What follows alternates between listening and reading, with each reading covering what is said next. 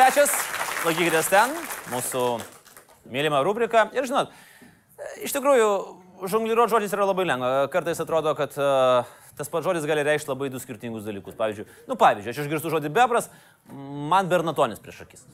Uh, mano svečiui bebras ir prieš akis tikriausiai yra.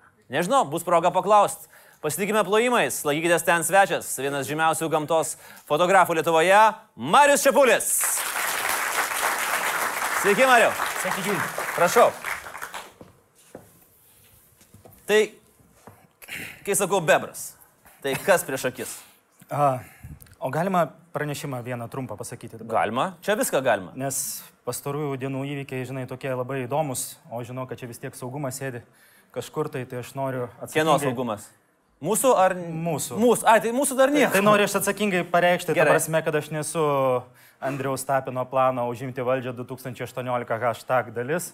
Ir į mitingą sekmadienį eisiu savo norų, nepriverstas Kremliaus agentų ir kitų konservatorių. Ha, Ačiū.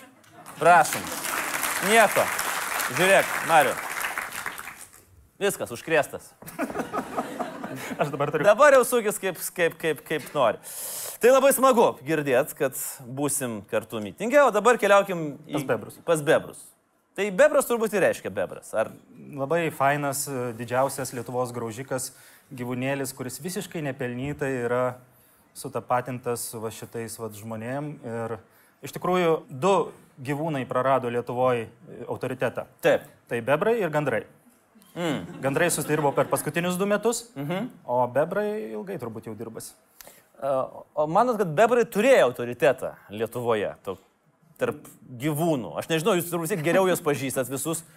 Tai jie, kai jau bebras eina, tai jau toks kaip autoritetas, ar ne? Na, nu, tarp e, graužikų jo, jis yra mhm. didžiausias, vis tiek jis galingiausias, jis stato didžiausius namus, tai jo. Gerai, o tada tai šitie du prarado, o kuris gyvūnas išlaiko didžiausią autoritetą? Norėčiau nesakyti, ta prasme, galėčiau pasakyti krekždutės, bet jos kaip buvo, taip ir, ir, ir liko. Aš, jūs nusteigia, Nepastebimas. aš tas vadinu nusteigęs jūs apie politiką kalbėti, ne apie, ne apie gamtą šį vakarą.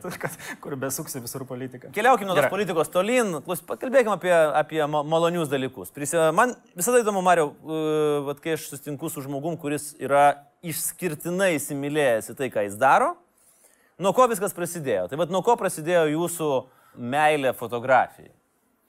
Buvo toksai kažkoks, na, va, tas lūžio taškas arba pirmasis taškas.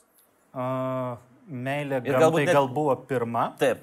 Tai prasidėjo nuo to, kai aš turbūt dar nemokėjau vaikščioti, ropojau keturiom ir ant, kai mes važiavam su šeima skinti aviečių, mane išmetė iš mašinos, kad aš ten ropočiau aplinkui. Ai. Ir aš pamačiau, dar su pabėda važiavam, žinau, ten kokį 20 žmonių vežė. Policininkas, nes vienintelis policininkas turėjo pabėdą. Tai vienu žodžiu išmetė mane iš tos mašinos, aš ropojau aplinkui ir pamačiau Kirminą, Vikšrą tai yra ir prie jo labai ilgai sėdėjau ir priejo teta ir pasakė, tu būsi biologas. Tai čia mano pirmi prisiminimai yra. Kiek jūs metų buvote, kai jūs tai prisimenat viską? Aš nežinau, gal metai buvo, gal du. Tai greičiausiai. Mama Come sako, ta trys, keturi gal metai, Papasakojo tėvai ir, ir, ir greičiausiai Ne, gal ne, net ne, aš, šito. aš atsimenu iš vaikystės tris prisiminimus. Tai yra Vikšras, mhm. toliau Stirna uh, tokioj pievoj gražioj, rasotai, kai mane tempė į darželį. Ir kai dar tikrai visai nevaikščiau, tai atvežė tėvai vežius į kambarį ir jie išlipo iš bliūdo, aš ten jau įsigandau, įsilipau ant lovos. Mhm. Tai, žodžiu, trys prisiminimai. Kai jūs tempė į kaimą, Mhm. kai policininkas išmetė iš mašinos ir kai tėvai prileido vežių ir jums buvo baisu. Taip. Tokia va jūsų vaikystė. Ir tapau biologas dėl to. Nes nu jau nebuvo labai kur traukti. nebebuvo kur pasirinkti. Mariu, žinau istoriją, kad šiek tiek jau vėliau, kai jau buvo toks jau augelesnis ir e, vėžių turbūt nebijojot savo kambaryje, buvo istorija su kitų gyvūnų Melinaja Zylė, kuris yra toks kaip tam tikras simbolis. Mm, taip, prasidėjo mano viso biologo karjera, ornitologo karjera. Ornitologas tai tas, kur paukščiais domisi. E, pamačiau krūmą. Bet taip maždaug, čia sėdi visi tokie oškučiai, jūs čia, žinai, numečiau Senas paaiškinimą. latiniškas pavadinimas Paurus Erolėjus, dabar truputėlį kitaip vadinasi, nes Žino visi, kas yra ornitologas. Taip? Taip. toks- buvau 7 klasiai, tai buvo kovo kažkėlinta 21-22 diena ir ėjau pro tokios murzeninės sodybą, čia mano, kai, mano močiutės kaiminė. Mhm. Ir iškėčių krūmę pamačiau tą paukštį ir pagalvojau, kas tai per paukštis, nes jis buvo visiškai kitoks negu kitos zylės. Buvo geltonas su mėlynu, o ne geltonas su juodu. Ir tada pradėjau domėtis ir vat, viskas pasirito. Dabar esu va čia, kur esu. Būtent dėl to vieno paukščio. Visiškai absoliučiai. Tai jeigu būtumėt ėjęs ir praėjęs į Murzininę sodybą, Tai taip ir niekas nieko nebūtų tai sužinojęs. būtumėt gal dabar vadybininkas. Ar jūs ir dabar, ar jūs ir dabar vadybininkas? Nu, dabar biškai gal direktorius labiau, bet... Ne, tai žiūrėk, vi, ne visi vadybininkai Ne, yra direktoriai, architektas. bet visi direktoriai yra vadybininkai. Ne, būčiau architektas. Architektas? Rimtai? Kodėl? Man patiko paaišyti. Mm. Gerai, e, grįžkim prie tos mėlynosios zylės ir prie paukščio atpažinimo. O jūs, pavyzdžiui, aš dabar galvoju, gal jūsų vaikystėje jau nebuvo, mano vaikystėje dar buvo toks senas sovietinis žaidimas - lotos paukščių. Nebuvo jūsų žaidime, kur reikėjo atpažinti paukščius ir du paukščius į, į vieną vietą sudėti. Mm, Nepamenu. nepamenu. Man tas yra įstrigę e, ir man kažkaip sakydavo, kad vat, visi gamtininkai, na galbūt vyresni šiek tiek, jie turėjo ir to žaidimo šiek tiek e, esmę. Ir įsivaizduokit savo, man kažkaip atkapstė mūsiškai tą žaidimą. Ir mes galvojam dabar padaryti jums tokį labai nedidelį testuką. Parodysim penkis sovietinius paukščius. Oi, susimausia. Jie, ta prasme, Gerai, tęsim. jie nepasikeitė ir atgaus nepriklausomybę. Jie kailio neišvertė. Žiūrėkit, va, čia yra 40 metų senumo tas žaidimėlis. Ir yra penki paukščiai. Čia dar net ir rusiškų jų pavadinimai yra. Na, pažiūrėkime, ar pavyks jums juos atpažinti. Aš rodau pradžiai kameras, tada rodau Mariu. Va. Taip, štai čia yra paukštis, paukštis, paukštis, paukštis, paukštis. Apus, apus. What? Čiurlys. Juodasis. Taip. Dėl apus apus nežinojo, bet tai čia taip, taip pat ir varysit? Nu gerai. O, koracijas garulus. O, Čia, Žalvarnis. Tarp kitko, prie Utenos vienas peri, baigė išnykti Lietuvoje. tai šiuo metu peri, ar kaip? Tauragnuose, ne, ne, ne, ta prasme, netoli Utenos yra viena iš tų vietų, kuris dar likęs. Tai čia žalvarnis. Čia žalvarnis. Nu, pusę užskaitau taško. Gerai. Pas mane parašyta žalvarnė. Nu, a, nes, Nes? nes. Ten tai papačioj Dabar biškai sakau, kur čia mat? Aš apie paukščius tai labai žinau, tiesą sakant, tai prisipažinsiu. Gerai. Uh, Nes šiaip nesiskiria patinas ir patelė, jeigu ką. Dar ir tai būna. Uh, čia. O, čia yra kaprimulgus europėjus lėlys. Labai fainas paukštis, tarp kitko. Neįdomu. Lėlys, taip. Yra kažkokia legenda, kad jeigu tu išgirsti lėlį, Jo, jo, ten, ten mirtis numirsi? ateina, jo, jo, bet labai fainas balsas ir jie labai atoktuvės, jų labai gražios. Labai tai jūs įdomiai girdėjot rėkia. lėlį.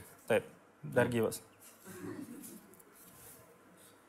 Nu, čia jau bus sudėtinga, nes čia yra geltonoji kėlė. O tai cilaflava. Tai kodėl reikėjo man tokių vilčių suteikti? Šu, kad geltonoji kėlė. Nu ir paskutinis čia jau labai lengvas. Čia jau, O ne, čia jau kukutis. čia jau Nu, vienas iš mano Čia jau mėgstamiausių. Kukutis kaip iš baladžio. O tai gerai. Nu, čia neįdomus visiškai žaidimas, mes šitą iškirpsim. Nes Geriau nieko man nesigavo. Su pečelindom kokiam nors arba devintbalsiam, kur patys. Nu tai kokį žaidimą suradom tokį ir turėjom, galvom, gal užteks. O gerai, yra nors paukštis, vat, kurio jūs net pažintumėt. Jo, yra. Tai prasme, yra, yra rūšių, kurios ten skiriasi plasnojamųjų sparno, neplasnojamųjų plunksnų, o ten pirmos tokios plunksnelės, viena trumpesnė, kita ilgesnė. Tai realiai vat, pagal tai yra tikras tas požymis, pagal ką galėtų atskirti. Mhm. Nu, tai ten kojų spalva, akies vyžios spalva, ten nu, tokie va dalykai, kur iš tikrųjų tada tą paukštį skiri pagal giesmę. Bet yra, yra, kur aš ir susimaunu ir neatskiriu ir konsultuojuosi. Tėvai jums buvo davę mokykloje labai įdomią pravardę. Jūs, jūs vadino kaip? Tėvai? Tėvai. A, palaukit, tuoj. Jūs nežinot, kaip jūs tėvai pravardžiavo? Mane tiek vadino visai. A, okei, okay, o kaip jūs vadin, vadindavo tėvai?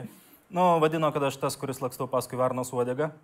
Čia labai ilga pravardė. O šitas buvo paganėlis. Paganėlis, va, žymusis uh, mokslininkas iš uh, kapitono Granto vaikų.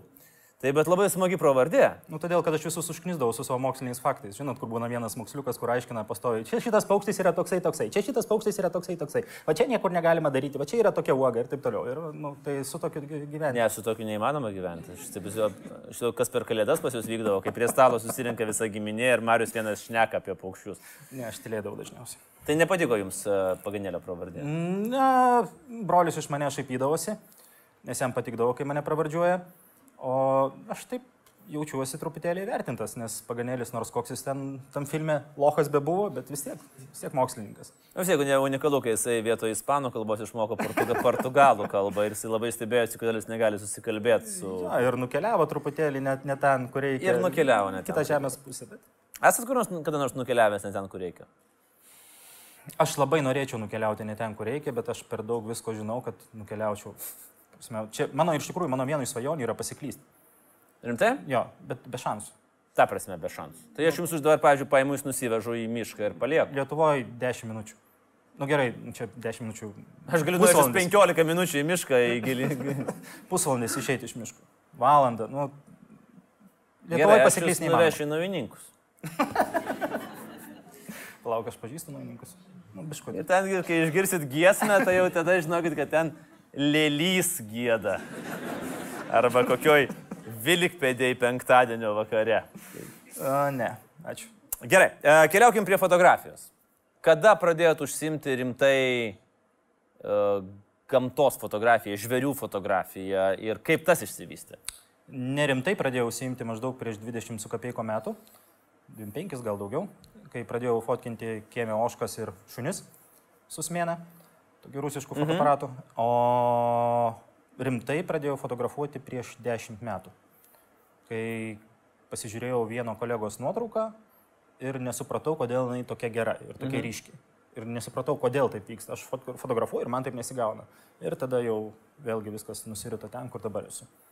Kiek apskritai gamtos fotografija, jeigu taip kalbėti truputėlį abstrakčiai, kiek svarbu yra pasiruošimas, iš ankstinis susiplanavimas, o kiek yra sėkmės? Ir ar yra buvę taip, kad, na, pasiruošėt puikiai, idealiai viskas yra, ne? Avat nieko nesigauna. Tai dažniausiai taip ir būna. Ai. Ta prasme, nesėkmė, aš sakau, nesekas dažniausiai. Mhm. 30 procentų yra sėkmės, 70 procentų nesėkmės. Ir tu niekada nežinai, kaip pavyks. Šiandien aš, pavyzdžiui, išvažiavau į mišką, po šimonių gyrę vaikščiau, pravaikščiau visur nieko. Važiuoju, žiūriu ant e, tokio pylimo Danieliaus užpakalis. Sustojau, galvojau, pabėgs, ne, aš spėjau išlipti, gražiai nufotografuoti ir tada jis pabėgo. Tai jūs čia važiuodamas pastebėjote Danieliaus užpakalį ant pylimo? Na, čia buvo ryte anksti. O ką jis ten darė ant to pylimo? Valgė. Tiesiog. Danielius važiuoja, valgė. Aš, aš, aš niekada nežiūriu į kelią, kai važiuoju. Ta prasme. o, okay. čia, čia mamos mokykla yra. Ta prasme, turėk 18 akių ir žiūrėk visur. Tai aš žiūriu visas pusės ir, nu, stebiu aš kelią. Kartais avarijų esu tik vienam kalėjimo viršininkui užpakalį važiavęs, bet jis pats buvo kaltas. Tai ten atskira istorija. Tai vien kalėjime nesėdėjo. E, grasino, kad visur bus. Ir pasėdėsiu, ir padarys, ir taip toliau. Oho. Viskas baigėsi gerai. Vien žodžiu. Esmė, kad į avarijas nepapuolu, aš stebiu va taip aplinkui viską. Nors tai mano regėjimas dar yra minus pusantro. Gal reikia Tesla turėti tą tokią. Kur pati vairuoja. Sa Savaigę. Jo, šitą būtų visai faina. Buvo ten tokia istorija irgi, aš, vat, mes, mes vis bandom tokias įdomias istorijas iškapstyti, kai jūs um, varėt erelių fotkinti ir ten gavosi ir su masalais kažkokia nelaimė ir dar kažkas. Tai labai smagi istorija, pasidalinkit. Uh, čia buvo prieš keletą metų ir iš tikrųjų nuo tada prasidėjo visos Čiapulio fotoklajonės, uh, kai supratau, kad žmonėm galbūt iš tikrųjų yra įdomiau tai, kas vyksta už kadro ir kaip, ko reikia, vat, kad tą kadrą pagautų. Tai sugalvojau kažkada tai pasimti atostogas, savaitę laiko ir nufotografuoti realius. Kadangi pagal prognozę turėjo būti gražus oras, turėjo pajūry snikti, būtent pajūry yra daugiausia realių, ir turėjo vandens lygis pradėti kristi, nes prieš tai ten buvo potvinis. Aš nulėkiau prie minijos, pasistačiau slėptuvę, ten du kartus ėjau, tempiau 40 kg ten įrangą, vien žodžiu viską nusinešiau, pasidėjau, iš ryto ateinu, pasidedu masalą, e, sėdžiu, Tai yra guliu, laukiu, kol atskris realiai, pradėjo kilti vanduo, bet taip nežmoniškų greičių, mano masalas pradėjo plaukti, pradėjo semti mano slėptuvę, supratau, kad bus šakės, greitai susipakavau, bėgau į mašiną, vos spėjau grįžti, ėjau sausumą, grįžau jau iki čia vandens, mm. vos spėjau išvažiuoti iki durelių vandens. E, nepavyko. Dvi dienos sugadintos, nuvažiuoju į vidurį Lietuvos, ten šalta, sninga, e, pasidedu masalą, laukiu erelių, mm, ateina šeškas, pavogė masalą. Vėl niekas nepavyko, aš supikau, važiuoju į kitą vietą, užklimstu, mane ištraukė, vėl viskas sugadinta, viskas, važiuoju, čia vat, netoli Utenos Ignalina, netoli Utenos. Ir labai šalta, minus 15, užšala mano vanduo geriamas, užšala mano dujinė viryklė, sėdžiu be vandens, be maisto karšto, bet gerai, realiai yra viskas tvarkoj, tik tai jie neskrenda kažkodėl pas mane, ten atskrenda visokie krankliai. Vienu žodžiu, nieko nesigavo, mm, supikau, grįžtų namo ir vienintelis kadras, kas buvo padarytas, tai šunkiliuko mane nufotkino per greitai važiuojant. Radaras. Ir net pačiam nieko nereikėjo daryti. E, jo, viena iš tokių brangesnių nuotraukų. Jūs paminėjot vat, ir e, įvairias um, viriklėlės, visus kitus dalykus. Apskritai, koks yra gamtos fotografo rinkinys? Jeigu taip galima pasakyti. Rinkinys netelpa į mano mašiną. Mhm. Kiek, kiek jisai sveria, ko- kokie pagrindiniai dalykai? Mm, Mano rankinukas, tas, kur jau eiti į mišką, jeigu eiti su, su tikslu, kad ten sėdėsiu tam miške, bent Aha. jau dieną arba dvi, sveria apie 40 kg. Viskas priklauso, kiek aš to masalo įimu, žuvis arba koks nors nudvėsęs gyvūnėlis, nedidelis stirna, pavyzdžiui. Ir Atsiprašau, stirna, nedidelis nudvėsęs gyvūnėlis. vieną kartą mane užpelingavo vaikščiant su stirna ant kupros ir pridavė gamtos inspektoriai, jie atėjo su manimi aiškintis, norėjo duoti galvą, bet aš su jais susitariau ir viskas baigėsi gerai. Kodėl jūs nori visi mušti, kai susidarėte? Nes galvoju, kad brakonierius, kuris pasiema, pasideda stirną ir ją žiūri pusę valandos, ne pusę valandos, kelias dienas atsisėdęs. Tai va, o ten, tam rinkinėlį yra slėptuvės visokios maskuotės, kad paslėpčiau slėptuvę, mėgmaišis, maistas dažniausiai būna kelyje vainiai ir vandens buteliukas, nes valgyti daug negali, gerti daugiau negali, visokios replės, kastuvėliai, kirviai, ta visa įranga. Jeigu keliom dienom plaukiu, tai ten dažniausiai plaukiu, nes aš plaukiu dažniausiai keliom dienom su valtim jau tai ten būna prikrauta pilna valtis. Ir, ir jau ir saulės elementai, kad galėčiau pasikrauti mobiliaką, kad nebūtų liūdna ir taip toliau, taip toliau. Na nu, ir viriklėlės, ten jau tada jau irgi eina vanduo, visa kita. Tai gerai, čia yra vienas dalykas, ką fotografas turi būti susikomplektavęs. Kitas dalykas, kuris, kaip, kaip suprantu, yra būtinas fotografui, yra kantrybė.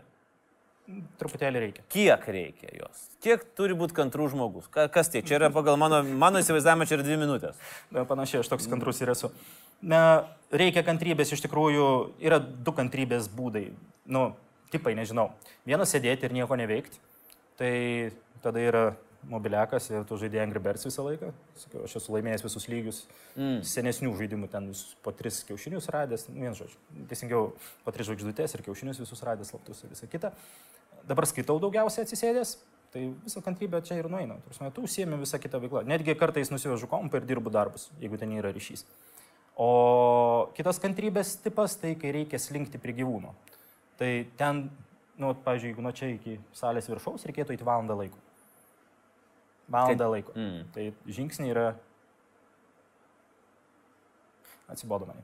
Ne, nu gerai, bet man pasidarė įdomu dabar, nes aš irgi girdėjau istoriją, kad jūs iki briedžio slinkot, Buvo ten dvi valandas, jau apie 50 metrų. va. Kaip tai, kaip, kaip, kaip pavyzdžiui, tai atrodo? Nu, aš, pavyzdžiui, briedis, vis duokime, ne? Nu, va, pavyzdžiui, aš... Aš turiu fotoaparatą.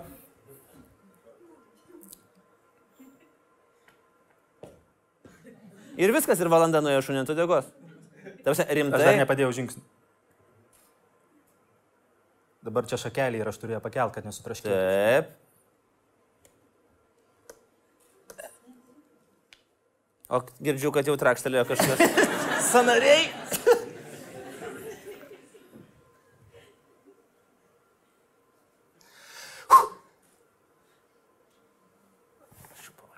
Va taip. Va. Pavargo pat briedžiai. Bet tai čia, bet tai čia dar ir fizinio pasirengimo reikia, ne, ne Ant, vaikiško. ant vienos kojos atsisėsti, jo, ir fotoaparatas sveria dar 5 kilus, tai tu jį laikai. A, Nu, ten truputėlį pasidedu ant vieno kojos, tai aš kaip e, tas senukas, kur pasideda priešui save. Mm. Neši... Ėjik, Taip, bet klausykit, bet jūs šitaip ilgai netemsit. Nu tai... Jeigu čia va pradės traškėti sanariai, tai baigsis, jūsų briedžiai baigsis čia visi. O čia tas su traškinčiais sanariais ateina mūsų fotkinti. Ne, ne, ne, ne prie visų galima slinkti. Šiemet, pavyzdžiui, buvo labai faina, kai, e, pavyzdžiui, kai elniai mušosi, ne? Mhm. Tai nieko nebegirdi, nieko nebemato ir tada gali bėgti. O čia yra vienas iš fantastiškiausių jausmų. Tu bėgi į elnių muštynės, jie tada mušasi, ten daužasi, bleuna, baubia ir, vis, ir nežiūri, visiškai dėdas aplinkui. Tu bėgi ir visi elniai iš apylinkės bėga. Tu va kai bėgi ir kartu su visais elniais žiūri, čia vienas bėga, čia kitas bėga ir taip kartu bėga žiūrėti, kas ten bus. Labai fainas jausmas. Tai čia žinau, kad va, tas yra penktadienio vakaras Vilkpėdėjai. Tai. O čia viens prie vieno jūs papasakojot. Vyksta muštynės ir tu bėgi ir visi marozai irgi bėga. O kaip pagaut, gerai, kaip pataikyt, kada elniai mušasi? Ar čia yra, vėlgi, įmanoma suplanuoti, nu aš suprantu, kad yra sezonas, taip? Na, žinoma. Bet čia yra kas čia? Sėkmės elementas, tu prasme, ar... Ne, čia visų pirma Papra- yra nu ži kaip? žinių elementas ir, ir, ir sėkmės elementas. Elnių mušančių, aš, be- besimušančių aš mačiau labai daug, tik tai, kad gražiai nufotografuoti dar man nepavyko. Tai šiemet 3-4 kartus mušys. Aš tiesiog žinau, kur jie sėdi. Tu tą teritoriją stebi, pastoji, žinai, kur čia koks patinas sėdi, žinai, koks kitas patinas, žinai, ar jie konkuruoja ar nekonkuruoja, ar bus sąlygos, kad jie susimuš kažkur tai. Ir jau girdi, kad vat, toj vietoje pradeda ten vienas kitą aiškintis, labai smarkiai baupti vienas ant kito, tai tikėkis, kad jie gali muštis ir tada jau stebi situaciją. O išgirsti, kaip mušasi, tai girdisi iš pusės kilometro, gal iš toliau, ragūtas tauškėjimas, labai labai garsus. Ir tada jau bėgi. Bet čia vėlgi svarbiausias yra žinios. O ar jau pavyks nufotografuoti yra sėkmė. Nes, pavyzdžiui, man šiemet trukdė arba nendrynai, arba ten medžiai, arba žolės ir tiesiog nepavyko padaryti kadro. Nors sėdėjau nendrynė, vėlgi labai fainas jausmas, mušas elniai, už kokių 5-6 metrų nuo tavęs, tu stovi nendrynė ir tu nežinai, kur jie ten bėgs, pro kurią pusę. Nes Truputėlį tai nebaisu, kad tapsi trečias muštynės. Nu, ten buvo toks berželis ir, ir aš už jo stovėjau, galvojau, jeigu atsmeiksiu ragais, tai nepataikys visiškai, mane taip aplinkui truputėlį. Tai aš visada saugausi. Nes taip, žinai, susipsidai yra du elniai, žiūri. O, gal mes. Mm, Gerai, mane- o tai palauk, sak- sakot, nepavyko nufotografuoti. 6-7 metrai yra per mažai? A, Ne, tiesiog nendrynas, nieko tu nematai. A. Tu tik girdi, tu jau tik kvapą ir visą kitą, bet e, vaizdą matai, bet fotoaparatui nėra erdvės. O įsivaizduokim, elnių muštynės. Koks turi būti atstumas kokybiškai gerai nuotraukai, kurią būtumėt patenkintas? O, Daugiau mažiau. 40-50 metrų. Kad matytųsi abu elniai, jeigu ten nori portretą daryti, aišku, reikia 20 metrų ir taip toliau. Bet turi neustoti. Dažniausiai mušasi kur nors va tokiuose nendrynuose, pelkėse, už medžių ir labai sunku to. Iš kiek arčiausiai esat fotografavęs kokį nors gyvūną? Puh, mano fotoaparatas leidžia fotografuoti tik tai iš 4 metrų, tai iš 4 metrų ir esu fotografavęs. O prie Elnio buvo irgi, aš einu, Elnis eina vieno pakraščio, aš einu kitų pakraščių, mes kartu einam. Nu, tada, kai kartu eini, lygiai Elnio žingsnį, tada jis negirdi. Ir einam, einam, ir tada aš galvoju, kad jis eis į kitą pusę, jis teisė ant manęs. Ir eina, aš einu atbulom. Ir jis manęs nemato. Eina galite mane. manęs nematyti? Jis, kai vyrai rūjoja, jie nieko nemato. Aukso žodžiai. Aukso žodžiai įsidėmėkit publiką šitą dalyką. Tai jis tiesiog, ėjo, aš sustojau ir jis pro mane praėjo ir kai praėjo, jau ten buvo kokie 3 metrai jau nuo mane šonė atsistojo ir tada sustojo ir taip, ups, nu taip jaučiu, Elnio galvoj, ups, čia buvo žmogus. Ir ta, pabėgo. Nu, bet čia irgi galima vyram pritaikyti, turbūt irgi šitą, šitą istorijos pabaigą. Aš žinau, kad jūsų svajonių maskuotė yra negyvas briedis. Taip? Iš kur traukia tokius dalykus, bet taip. Nu, žinot, kai atrandi tokį dalyką, mes visi turim svajonių. Bet, pavyzdžiui, mano svajonės yra šiek tiek kitos. Ir tikrai, nu, labai sunku man būtų sugalvoti svajonę įlysti negyvą briedį. Nu, O vat jūs turite svajonę įlysti negyvą briedį. Kaip tai, vis, kaip tai vyktų? Ir kodėl tai yra svajonė? Kuo tai yra gerai įlysti briedį negyvą? Mm, aš skaičiau vieno fotografo atsiminimus, jis gyveno Kamčiatkoje vienas ir fotografavo ten visokius ernius ir meškas ir vilkus, kaip jie ten ėda e, briedžius ir jisai bandė užsimaskuoti į vidų ir nufotografuoti iš vidaus, kaip tai atrodo. Kaip tave ryja tą briedį, o tu sėdi viduj. Tai viena iš mano svajonių yra būtent būti masalo vietoj, nu, ne pačiu masalu, bet kad jie ėstų masalą, o tu vat sėdi ir, ir fotografuoji. Aš galbūt, galbūt aš daryčiau protingiau, ta prasme, įdėčiau fotoaparatą, kuris pats fotografuoja, o pats truputėlį atsitraukčiau ten, spaudyčiau mygtukus, bet e, aš laisvai pasirašyčiau va, tokiam dalykui. O nėra tokio varianto, kad fotografuoji, fotografuoji, o jau po to pats pasidarai tuo masalu. Ne, aš abejoju, kad tai būtų. Mm. Nelabai mėgsta žmogienos žvėris Lietuvos. Bet jūs apie tai kalbate visiškai absoliučiai normaliai, ne? Nėra jokio ten pasišlikštėjimo, lysti negyvą. Ne, nu aš vasarą genelyščiau, žiemą, kai sušalęs, gražus. Mm. Gali mėsos gabaliuką pasimti. Va taip ir tampama vegetarais, man atrodo, po tokių pokalbių. Uh, kitas dalykas, jūsų pastaruoju metu santykiai su stumbrais yra pakankamai artimi. Mėgstu juos. Mėgstat juos. Uh, koks buvo pirmas susitikimas, nes vis tiek stumbras yra, na, turbūt įspūdingiausias žvėris, ar ne? Taip, Lietuvoje tikrai taip. Daugelis net nežino, kad, ta prasme, Lietuvoje yra tų stumbrų ir aš sužinojau tai prieš šešis metus, gal neprisimenu. Pirmą kartą man buvo, wow, Lietuvoje laksto gyvi stumbrai, ta prasme, laisvi, aš galvoju, kad jie tik tai uždaryti būna. Ir e, su sužadėtinė, kuri čia dabar sėdi, mes nuvažiavam ieškoti stumbrų, nuvažiavam į stumbryną, paskui nuvažiavam, mums parodė, kur tie stumbrai laukuose sėdi. Ir mes gražiai kartu, tralelė, lelė, už rankučių susikibę, nueinam prie tų stumbrų. Ir kažkaip jie sėdėjo ant kalno, mes pakalniai buvom ir paskui iškilom ir atsidūrėm tiesiai priešai stumbrų bandą. Ten buvo 14 stumbrų. Ir, o stumbrų elgesys yra toks, jie kai pamato žmogų, e, jie įsirikiuoja į rikiuotę ir žiūri tave kurį laiką. Tai minutę gali, pusę minutės. Jie tiesiog, nu, jie yra karvės, kadangi karvės kaip ir laiko nesupranta, taip ir stumbrai, ta prasme, nesupranta, kas ten dedasi, jie žiūri tave ir bando įsiaiškinti, kas tu per vienas, kodėl tu čia staiga išdygai. Ir va tada žmonėm ateina į galvas visokių minčių. Ir aš jau tada jau galvoju, kaip čia bus, jeigu jie dabar čia puls, kaip čia bėgs, kaip aš čia darysiu. Nu, ten pas mane mintis buvo, kaip aš ten saltą darysiu, šoksiu iš fotoaparato, trenksiu per galvą, paskui vėsiu kulver, kulveršio ir taip toliau. Apie aišku, sužadėtinį aš negalvojau. E, tai... Sakykit, kad vėliau pagalvojat. Vis tiek, jeigu salėje sėdi. Vėliau pagalvojau, jo. Nes čia, žinot, jūs čia tokių patarimų duodat vyrams, aš irgi galvoju, gal taip pat atsargiau. Tai vienu žodžiu, viskas baigėsi gerai, nes stumbrai visada 200 procentų, 300 procentų jie pabėga. Mm. Jie vieni iš taikiausių žvėrių yra ir, ir, ir dabar jau aš su jais bendrauju ir šliaužiu pas juos ir, ir, ir pro mane praėję gulinti per 5 metrus, labai fainas jausmas, kai žinai, kaip žemė taip pat dunda. Mm. Banda eina, 30 stumbrų ir dun, dun, dun, dun, dun, tu vad guliu, taip galvos įdengęs. Ar yra buvę tokių situacijų, kai po, po kurios galėtumėt pasakyti, nu buvau per plauką nuo nelaimės? Buvo. Kokių? Kai mane Elnė sumaišė su kitu Elniu. Kaip, Patinu. Kaip sumaišė? Uh,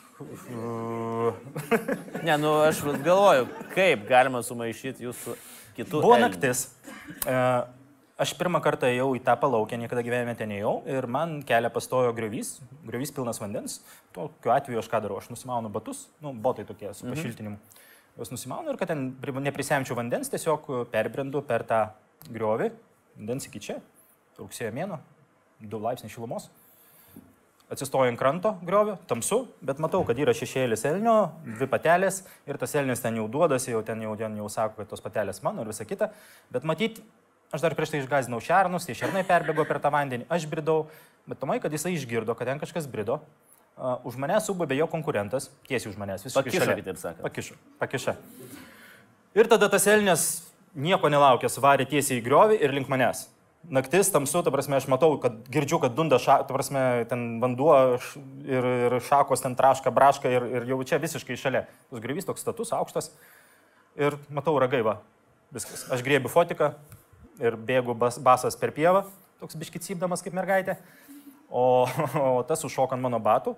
O kadangi batai su pašiltinimu, du metus raugintas prakaitas, tai ten kvapas Nu, jis turėjo iš karto nukristi nuo to kvapo, bet mm. nukrito, jis pašoko į viršų, va taip grinai, pašoko į viršų ir nubėgo jo patelės liko nieko nesupratusios. Tai tas realiai liko jos be, ir be jos vieno, be, ir be kito. Jo, paskui tą patiną nušovė, tai iš visų buvo blogai.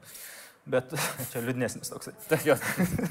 o svarbiausia, kad toj vietoje buvo tiltelis už dviejų metrų ten, kur aš bridau. Jeigu aš nebūčiau bridęs, būčiau ėjęs, tai va, ta istorija būtų, net nebūtų tos istorijos. Mm. Jūsų planai ir jūsų svajonės irgi. Buvo deklaravęs, kad šiemet turit planą nufotografuoti tetervinų toktuves. Mhm. Pavyko? Beveik. Ką reiškia beveik? Jie dar nesusitarė dėl toktuvių? Aš dalyvavau toktuvėse, toktuvėse gal keturis kartus ir e, stebėjau viską. Tursime, fotografija nėra. Pirmi metai yra tik tai žvalgyba. Aš išžvalgiau vietas, pasižiūrėjau, kur galima fotografuoti, kaip galima fotografuoti. Aš savo svajonių kadro dar nepadariau tiesiog. Mhm. Tai aš dedu viltis į kitus metus, kad man pavyks, bet e, pats vat, jausmas, pats tas darbas, nu įsivaizduojat, atsikeli uh, vidurnaktį ir uh, kadangi penktą jau maždaug jau švinta, prieš penkias tu turi būti vietoj, pelkiai, kur yra iš tikrųjų klampi ir aš įsimaudavau iki čia su batais, gerai, kad ilgi batai. Ir per tą pelkę naktį pirmą kartą gyvenime eini ir tu turi nueiti į vieną tašką, kuris yra ten pasižymėjęs, esi pasistatęs slėptuvę. Tai yra pakankamai geras iššūkis ir nežinojau, kad tai bus sunku iš tikrųjų. Ir nueini ten paskui atsisėdė į tą pelkę, sėdė, atsisėdė, susimaskavęs, ten tie terminai skrenda, pradeda burbuliuoti aplinkui, iš tikrųjų veiksm, veiksmas ir e, vaizdas yra fantastiškas, jausmas fantastiškas. Ir tada išeini po trijų valandų, kai viskas baigėsi. Žinot, e, praėjusiam sezone laidoje irgi turėjau labai tokį panašų kukų svečią kaip jūs. Uh, Survila Mindauga iš Sengirės. Mm, Kolega, kolega. Bet jūs visi tokie pačiuožė, ne? Jo, tik esi labiau pačiuožęs, nes keturis, ta prasme, keturi, kiek ten 20 metrų aukštyje suptis ant pušies, kuri linguoja 4 metrų amplitudėje, tai čia ne man. Ne jums. Ne. Ne, nes jūsų svajonė kita yra nufotografuoti gyvą kurmį urvelėje. Taip? Taip. Kaip jūs tai planuojat padaryti? E, pagauti kurmį ir nufotografuoti. Mm. Padaryti dirbtinį urvelį ir nufotografuoti. Bet tai čia labai nežmoniška, nedirbtinės sąlygos, tai Na, niekas nežinos. kurmis gali stresą patirti.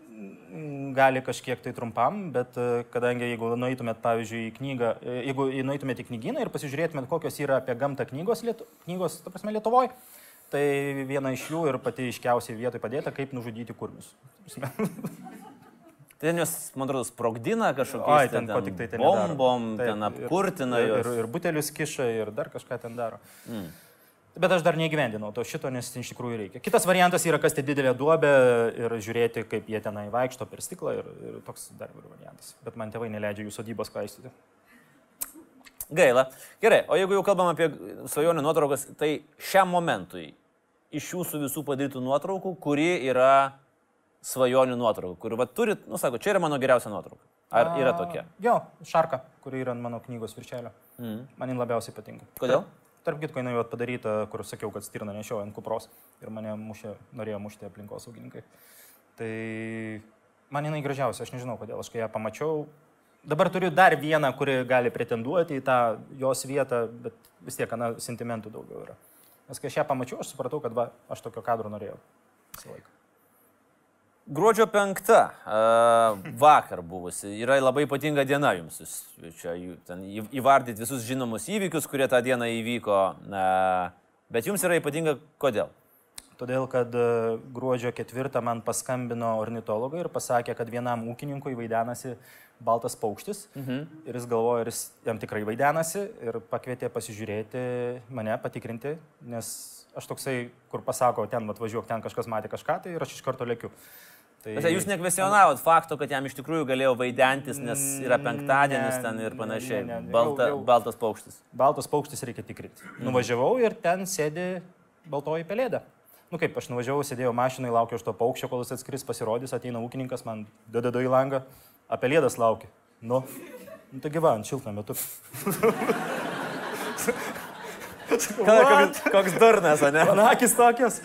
Jau ne, ne, nesupratau, kaip aš tą fotiką pasėmiau, bet jo, buvo fantastiška diena ir, ir prisifotkinau iš tos pelėdos ir tarp kitko, 74 metais, kai aš gimiau, Čiapulis stebėjo baltąją pelėdą ir tai nebuvo mano tėvas ir tai nebuvo aš.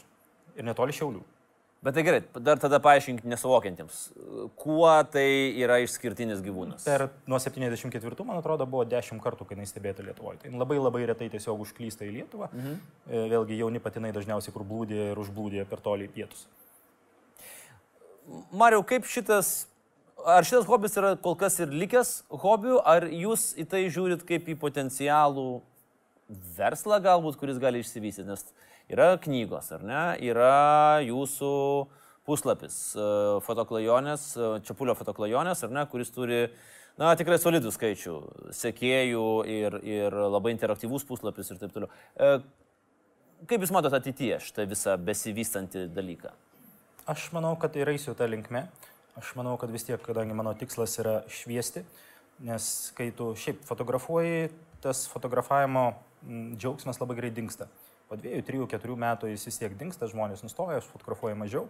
O kadangi mano tikslas yra šviesti, tai aš turiu kaip tokia prievalė, kuri labai faina yra. Ir nežinau, ar tai bus verslas, kada nors e, kažkiek tai pinigų galbūt tai neš vis tiek. Bet e, tas va tikslas pagrindinis švietimo jis visada išliks. Mm. Na, man ir pabaigai toks tradicinis klausimas visų svečių. A, Mes prašom parekomenduoti kokią nors knygą. Įlaikykitės ten a, svečių klubą. Savo knygų rekomenduoti negalima. Tokia taisyklė, nes tada būtų labai paprasta rašytojams, kurie čia yra atėję, ar, ar, ar kuriejams, ar fotografams. Bet a, ta knyga, kuri jums paliko įspūdį, kuri galbūt a, Ar galbūt jas skaitėt vakar, o galbūt jas skaitėt prieš 25 metus ir, ir įdėkit kažką į mūsų knygų lentyną. Dvi knygas turiu. Dėkit dvi. Ir vieną apsakymą. Ne, dvi knygas. Gerai. Tai viena yra Astridos Lindgren Mes Varnų saloje. Tai mano mėgstamiausia knyga. Ir dar ir dabar aš ją skaitydamas verkiu. Yra ten pora vietų, kai vieno iš džiaugsmą verkiu, kito iš... iš... Aš pabandysiu atspėti, kada verkit iš džiaugsmo. A, galbūt pramažinsiu visiškai, bet nes aš, man atrodo, skaitydamas tą vietą irgi buvau netoli, kai paaiškėja, kad ta mergaitė nusipirko už vieną kroną salą. Ta Nu, vieta. Tai, nu, čia jau finalas jo, čia, čia jau visą laiką. aš Atsiprašau, jeigu neskaitė tos knygos, tai mes ką tik dabar sugadinom. Ir ten, žinokit, nebūtinai ir nusipirko. Gal ir nenusipirko. Ne- nepavyko. Visiškai neaišku. Visiškai tikrai neaišku, kaip ten viskas baigsis. O kita knyga Aha. tai yra Andžiojo Sapkovskio Raganius, O, bet tik tai rusiškai. taip. Nes Daug geresnis vertimas ir fantastiška knyga ir aš ją kelis kartus esu skaitęs. Iš tikrųjų, turbūt galėčiau tik tai paantrinti. Amžinatelis vertėjas Weisburdas, jeigu neklystų pavardė, buvo jis padarė absoliučiai fantastišką darbą. Turbūt lenkiškai būtų skaityti dar geriau, bet, e, na, mes nemokam turbūt. Truputėlį biškinė. Truputėlį Nits. Puikios dvi knygos, a, kurios keliauja į laikykitės ten a, lentyną, rekomenduoju tikrai nuoširdžiai, kaip ir pats jas skaitęs ir manau, kad puikus pasirinkimas. Mariu, ačiū už šitą pokalbį ir už a, naujienas apie įvairius gyvūnus ir prisiminimui podelis apie mūsų laidą. Ačiū Mariu, sėkmės ir pildykit savo svajonę su tais kurmiais ir su tuo briedžiu negyvu. Aš tikrai manau, kad jeigu žmogus nori įlysti negyvą briedį, jis turi įlysti negyvą briedį. Ačiū. Mariu Šiapulis. Ačiū. Ačiū.